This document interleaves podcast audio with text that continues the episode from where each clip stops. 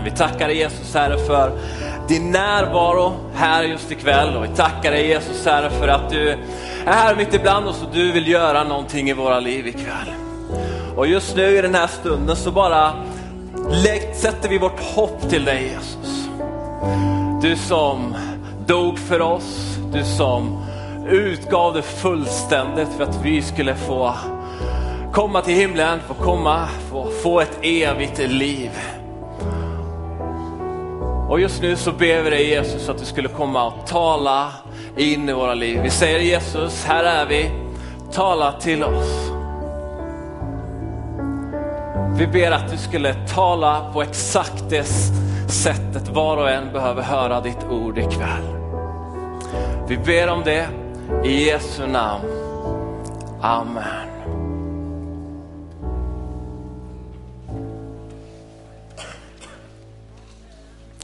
Martin Luther King Jr. Född den 15 januari 1929 i Atlanta, Georgia, USA. Han var en amerikansk pastor, aktivist och framstående ledare inom afroamerikanska medborgarrättsrörelsen. Han är känd för att vara en symbol för utvecklingen av de mörkhyades rättigheter i USA och runt om i världen med hjälp av fredliga metoder. King har blivit en nationell symbol för den moderna amerikanska liberalismens historia.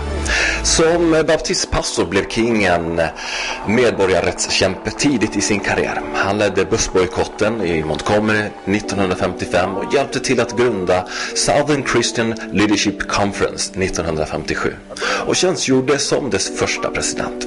Kings ansträngningar ledde till marschen till Washington 1963 där King levererade sitt i have a dream-tal. Där utökade han amerikanska värden genom visionen om ett färgblint samhälle och etablerade sitt rykte som en av de största talarna i amerikansk historia. 1964 blev King den då yngsta personen att motta Nobels fredspris för sitt arbete att avsluta rassegregeringen och rasdiskrimineringen genom civil olydnad och andra fredliga medel. Vid tiden för sin död 1968 fokuserade han sina ansträngningar på att få ett slut på fattigdomen och stoppa Vietnamkriget.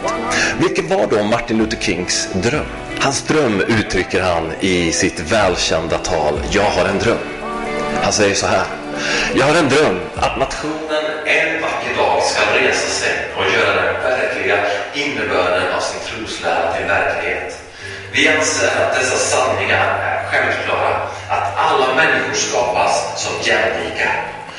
Vidare säger han, jag har en dröm att mina fyra små barn en dag ska leva i en nation där de inte blir sin hudfärg utan efter deras karaktärs innehåll. Martin Luther Kings dröm blev en verklighet. Marschen blev en viktig milstolpe för medborgarrättsrörelsen och bara ett år senare, 1964, antog USA medborgarrättslagen, Civil Rights Act, som satte stopp för den systematiska diskrimineringen av svarta och minoriteter. Året därpå infördes som förbjöd diskrimineringen vid allmänna val. Men det här var bara början på Martin Luther Kings dröm.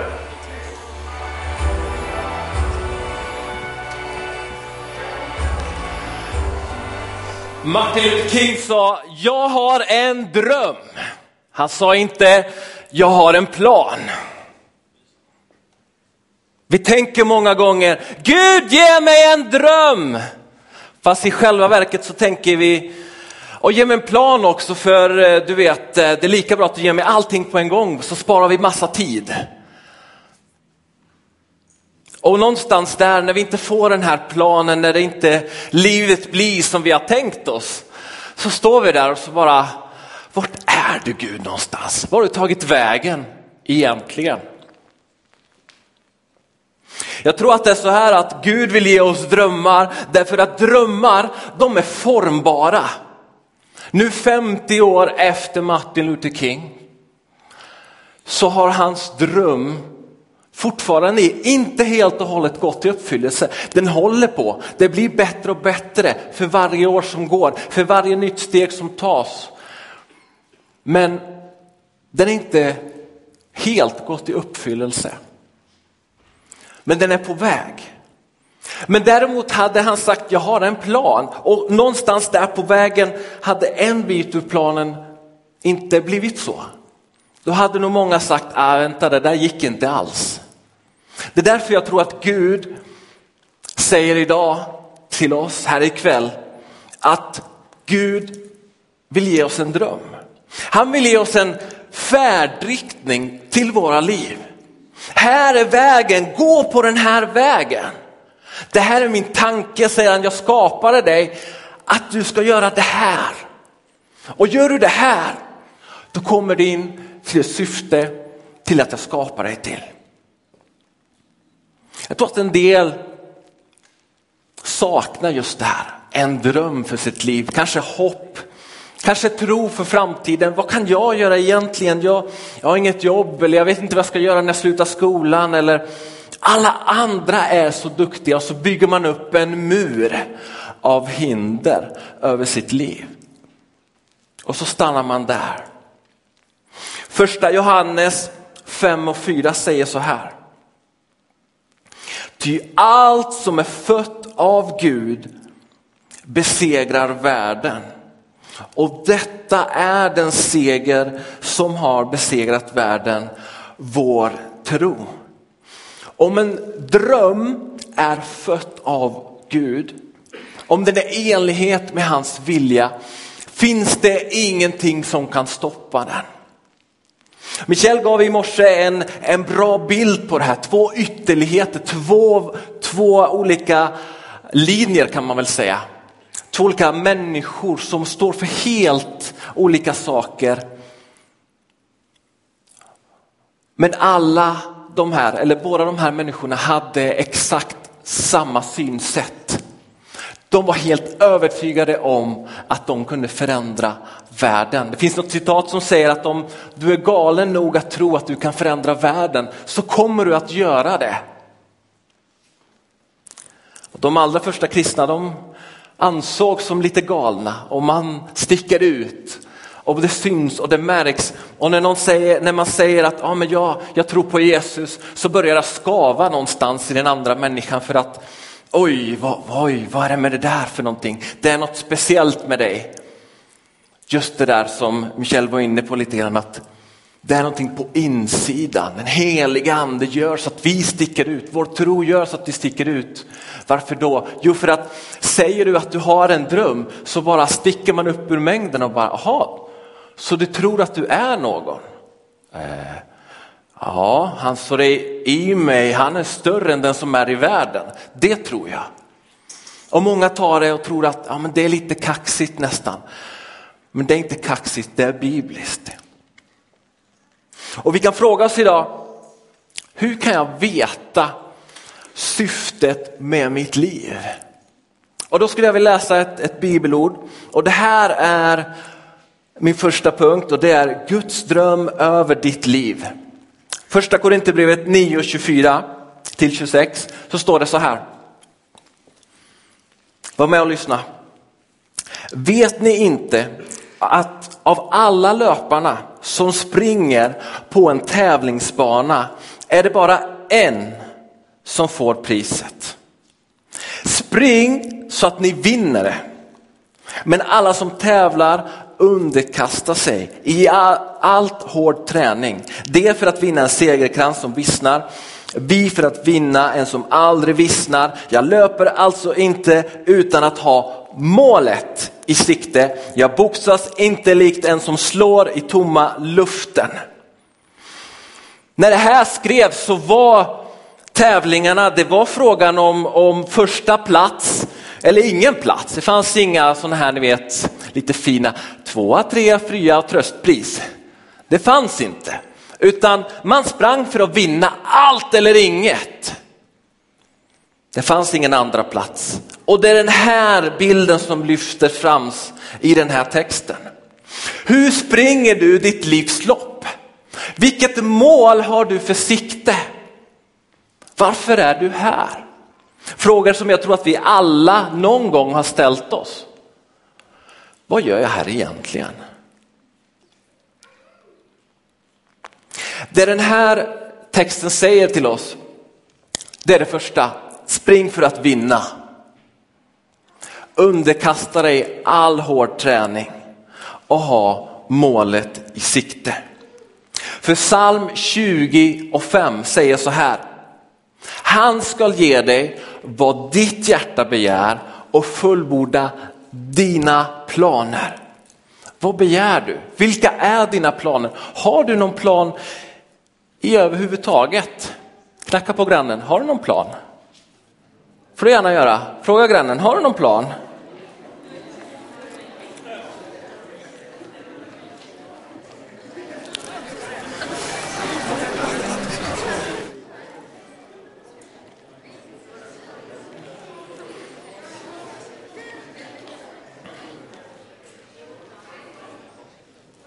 Bibeln säger att planerna i en mans hjärta, eller en kvinnas hjärta, är som djupt vatten. En man med förstånd hämtar upp dem. En man med förstånd, en kvinna med förstånd hämtar upp dem, gör någonting av dem. Ordspråksboken 16 och 3 säger, befall dina verk åt Herren så har dina planer framgång. När talar du med Gud sist om dina planer? Och det gör jag hela tiden. Jag är så orolig. Jag är så stressad. Jag pratar med honom hela tiden. Det är ingen som är sån va? Det var jag häromveckan. Så bara, jag är så stressad. Så, här. så säger min fru åt mig, vad är du stressad över? Ehm, jag vet inte. Jättebra svar. Så här, nej, ja. Så pratar vi en liten stund och så, jaha, du är stressad över det här. Nu ber vi för det här. Aha. Ibland är det tur att jag har min fru alltså. Och det var så skönt för det gick, det gick max två timmar efteråt så hade jag fått, fått löst de här två riktigt stora problem som bara mm, så här superstressade mig. Och så hade vi ju bett ja. Ja, det missar man ju ibland.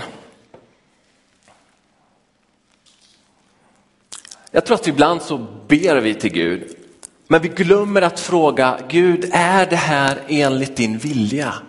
Är det här din, din vilja för mitt liv? Är det, här, är det här det du tänkte när du skapade mig?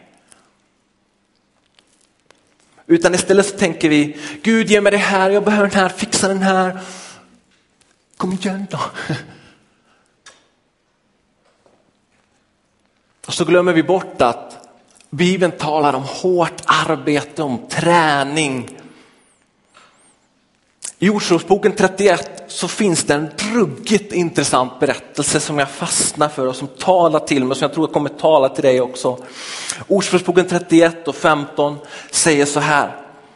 Medan det ännu är natt stiger hon upp, sätter fram mat åt sitt husfolk och tjänarinnorna deras bestämda del. Hon har planer på en åker.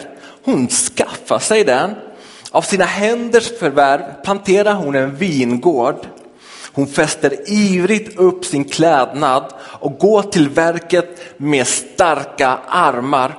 Hon märker att hennes arbete går bra. Hennes lampa släcks inte om natten. Här beskrivs i Ordspråksboken 31. Arbetet som en förståndig kvinna har. För det första, hon är inte lat. Ingen soffpotatis här. Hon stiger upp medan det ännu är natt och hennes lampa släcks inte om natten. Hon har planer, alltså hon förbereder, hon tänker ut och hon gör allt för att förverkliga dem. Hur många har planerat att göra någonting som sen aldrig blev av? De allra flesta av oss. Och till och med kanske tänkt ut en riktigt bra resa och sen så bara nja. Och så är du fortfarande riktigt lite så här. Du är inte lite sur heller utan du är ganska sur. Och det är alltid någon annans fel att den resan inte blev av. Känner igen sig? Mm -hmm. Den här berättelsen talar också om att man måste tro på sig själv, att man klarar av det. Om man tror att man aldrig kommer att lära sig att lära cykla eller simma så kommer man aldrig att försöka. Jag tror att man behöver fokusera, man behöver rikta sin blick och ha målet i siktet. Precis som den här eh, bibelversen vi läste för en liten stund sedan. Att man underkastar sig allt hård träning. Man löper alltså inte utan att ha målet i sikte. Jag går inte ut från mitt hus utan att ha någon slags tanke om vart jag är på väg. Men ibland så är det som att vi lever våra liv och sen så bara, får jag se vad som händer eller? Och så händer det något dåligt så är det alltid någon annans fel. En annan sak som den här berättelsen talar om för oss, det är att man aldrig får ge upp. Och kanske framför allt, det den här berättelsen lyfter fram, tro på Gud. Vilka förmågor har Gud lagt ner i ditt liv? I ditt liv, vad har han lagt ner som bara du kan göra? Vilka saker kan få växa till och bli en sån otrolig tillgång så att det till och med skulle kunna förändra det här landet. Vad säger du för någonting? Kan jag förändra ett land? Kanske inte utifrån dig själv. Vi är alla begränsade. Men den som är i dig är större än den som är i världen. Allt förmår den som tror och plötsligt så kommer en helig ande över ditt liv som Michel talade om här på morgonen. Ingenting är omöjligt för den som tror. Frågan är bara, vad tror du på? Vad sätter du ditt hopp på? Vad bygger du ditt liv på? Ordspråksboken 14.23 säger följande, av all möda kommer någon vinning, tomt prat leder till fattigdom. Ta och high-fivea grannen medan jag dricker lite vatten här.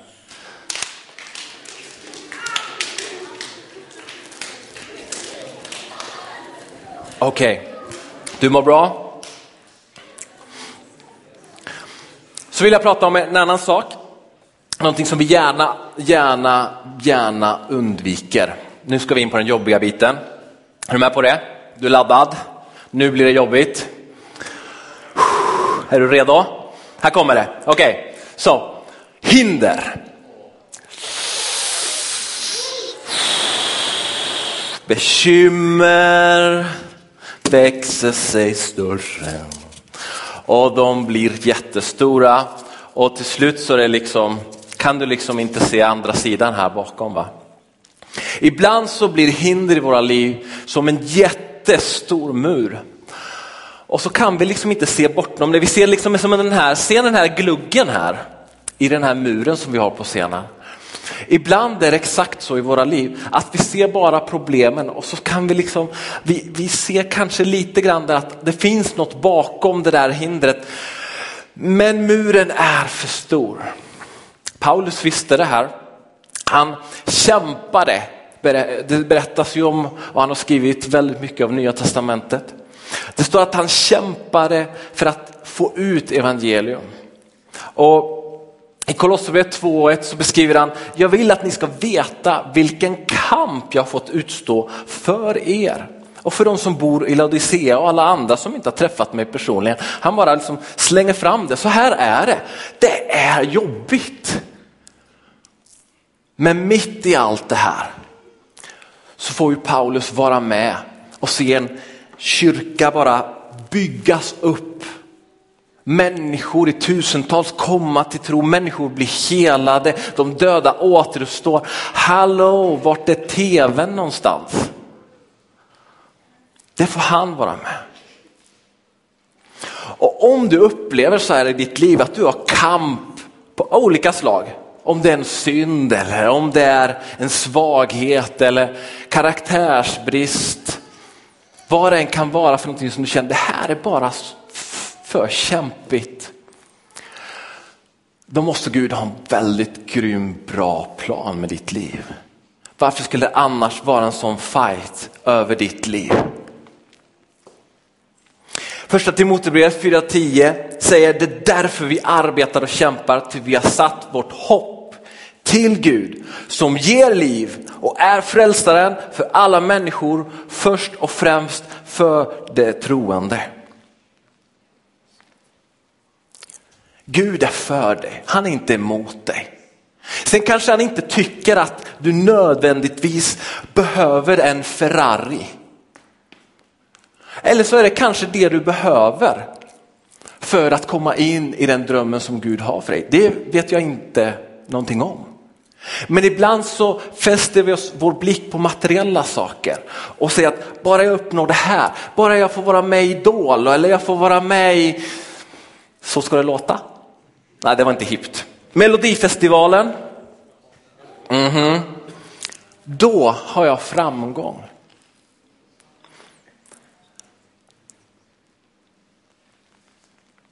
Den största kampen och striden för oss gäller just Guds dröm över våra liv.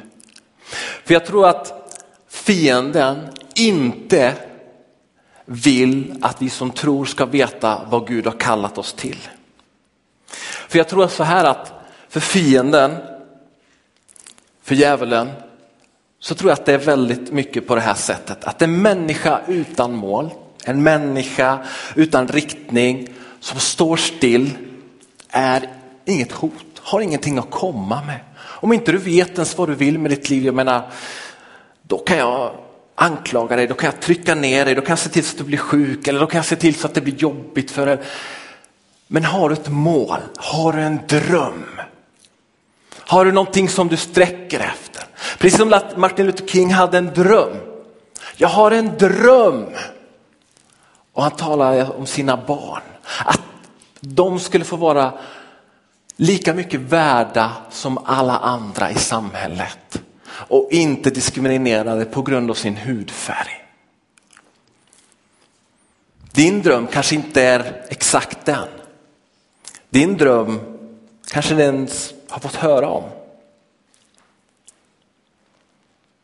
Men en person som får tag i en dröm som inspirerad av den heliga ande, som är född av Gud, är ostoppbar.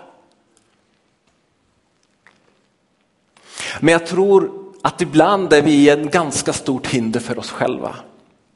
Jag tror att ibland så är det som Galaterbrevet 5 och 17 säger, Ty köttet söker det som är emot anden och anden söker det som är emot köttet. De två strider mot varandra för att hindra er att göra det ni vill.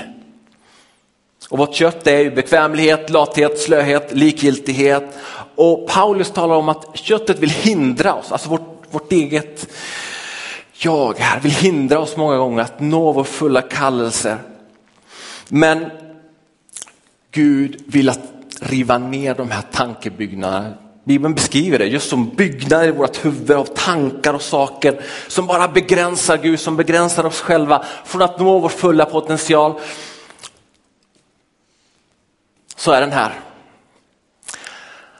muren av hinder i våra liv. Det kan vara människor, rädsla vad andra ska tycka och tänka om jag lägger upp på Facebook att jag varit på The Weeknd och jag tyckte att det var grymt. En sån enkel grej. Det kan vara att rädsla för att jag ska ha fel byxor på mig på skolan. Eller att jag ska misslyckas, att mina föräldrar, det kände jag väldigt länge när jag växte upp. Tänk om mina föräldrar känner och tycker att jag misslyckas med mitt liv. Det hade jag jag sån fruktan för det i så många år. Tänk om de tycker att jag är riktigt fail. Men så fick jag sitta ner och prata med min pappa och säga, jag är så rädd för att ni ska tycka att jag är ett misslyckande. Och så sitter jag där i bilen och gråter och så säger han, jag kommer aldrig tycka att du är ett misslyckande. Du har blivit bättre och lyckats med fler saker än vad jag någonsin kunde drömma om. Vad sa du? Har du en dröm för mitt liv? Ha, och så börjar jag prata om det. Och det förändrar fullständigt vår relation. Idag har vi en mycket närmare relation än vad vi någonsin hade när vi var uppväxt. Och det grundade sig på att vi inte talar med varandra, inte på någon illvilja från någon utan vi talade inte med varandra. Och så är det med oss många gånger, att vi inte talar med Gud om våra behov, om våra hinder. Och vi inte talar med varandra, med våra vänner, för vi vill inte sticka ut ur mängden och säga, jag har en dröm. För att det är ju, det är ju lite osvenskt. Va? Och så står vi där och så ser vi bara den här muren växa sig. Men Gud vill göra någonting i ditt liv ikväll.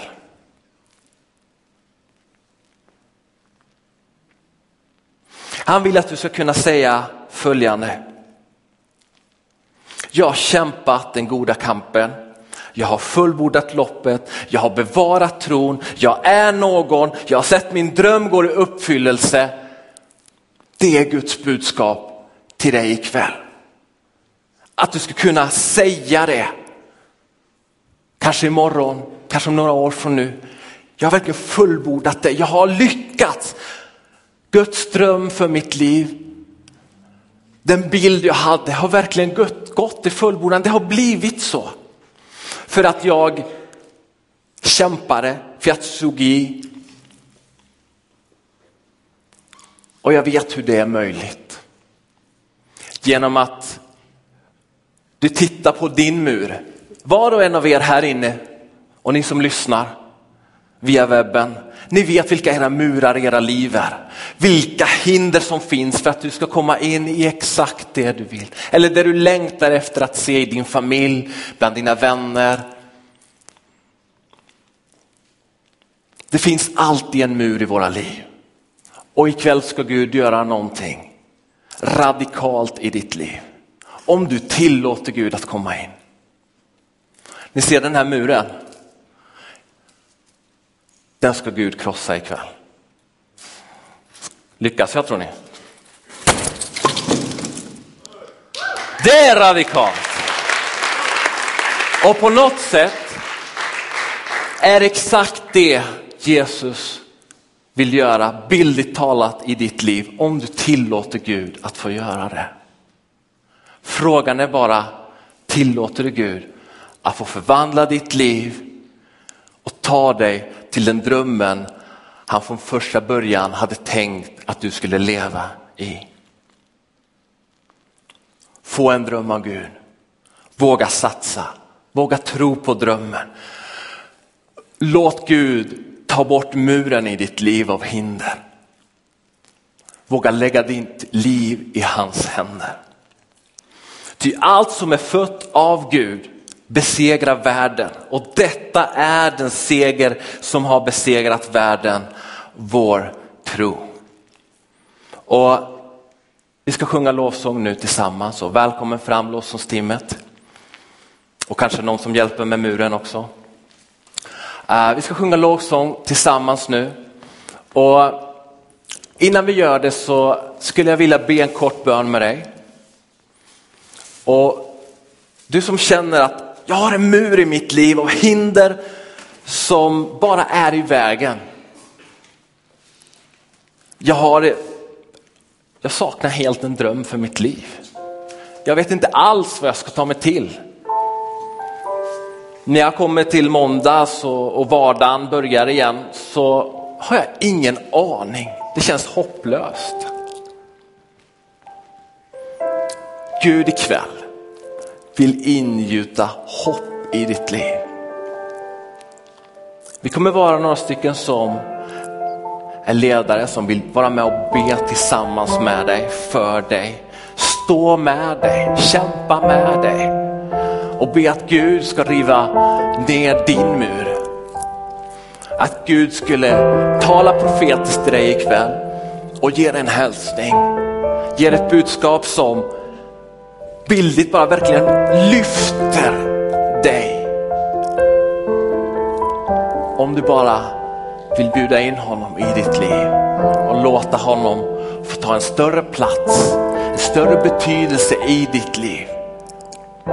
Om du bara tillät Gud det här så vet du att när din måndag kommer så kommer du vara en helt annan person. När du går härifrån ikväll så är det en ny människa. Bibeln talar att vi är en ny skapelse i Kristus. Och det är ett beslut som man inte bara fattar en gång eller två, utan vi fattar den varje dag. Gud, jag har beslutat att följa dig. Jesus, jag bygger och jag sätter mitt hopp till dig. Jag vill be tillsammans med dig och om du säger Andreas, jag är exakt i den situationen. Så vill jag att du säger det till Gud. Gud, i den bönen som Andreas ber nu, räkna in i mig i den. Och om du vill så vill vi väldigt gärna be tillsammans med dig i de bakre bänkarna så har vi en förbönsplats. Vi vill lägga händerna på dig och hjälpa dig att komma inför Gud. Det betyder inte att man har massa problem eller någonting annat utan det betyder bara att vi tillsammans får bara få stå inför Gud och säga Gud, vi söker dig. Vi vill riva ner murar, vi vill få nya drömmar, vi vill få hopp, vi vill få tro. Så om du vill gensvara så bara säg det till Gud, Gud räkna med mig i den bönen. Förvandla, förändra, ge mig en dröm, riv ner min mur. Jesus så kommer vi till dig här och nu den här kvällen. Och vi ber dig i Jesu namn att du skulle riva ner murar i våra liv. Saker som hindrar oss från att uppnå vår fulla potential. Synder som är bara blockerar vårt sinne, vårt hjärta, vårt liv. Ber att du skulle lyfta av dem i Jesu namn, att du skulle sätta oss fria Gud. Jag ber Jesus att du skulle ge en dröm till den som saknar en dröm över sitt liv. Gud, till den som känner att sitt dröm har gått i kras, be att du skulle uppliva den. Det är inte för sent att få se sina drömmar bli förverkligade. Ber ikväll Jesus att vi skulle få mod att erövra drömmen över våra liv. Gud, jag ber att du skulle ge oss mod och styrka och den helige andes kraft över våra liv. Att i vår vardag stå upp för dig. Att våga lita på vår egen förmåga som du har lagt ner i oss. Att ge oss kraft att bara kunna få vända oss till dig och be om hjälp.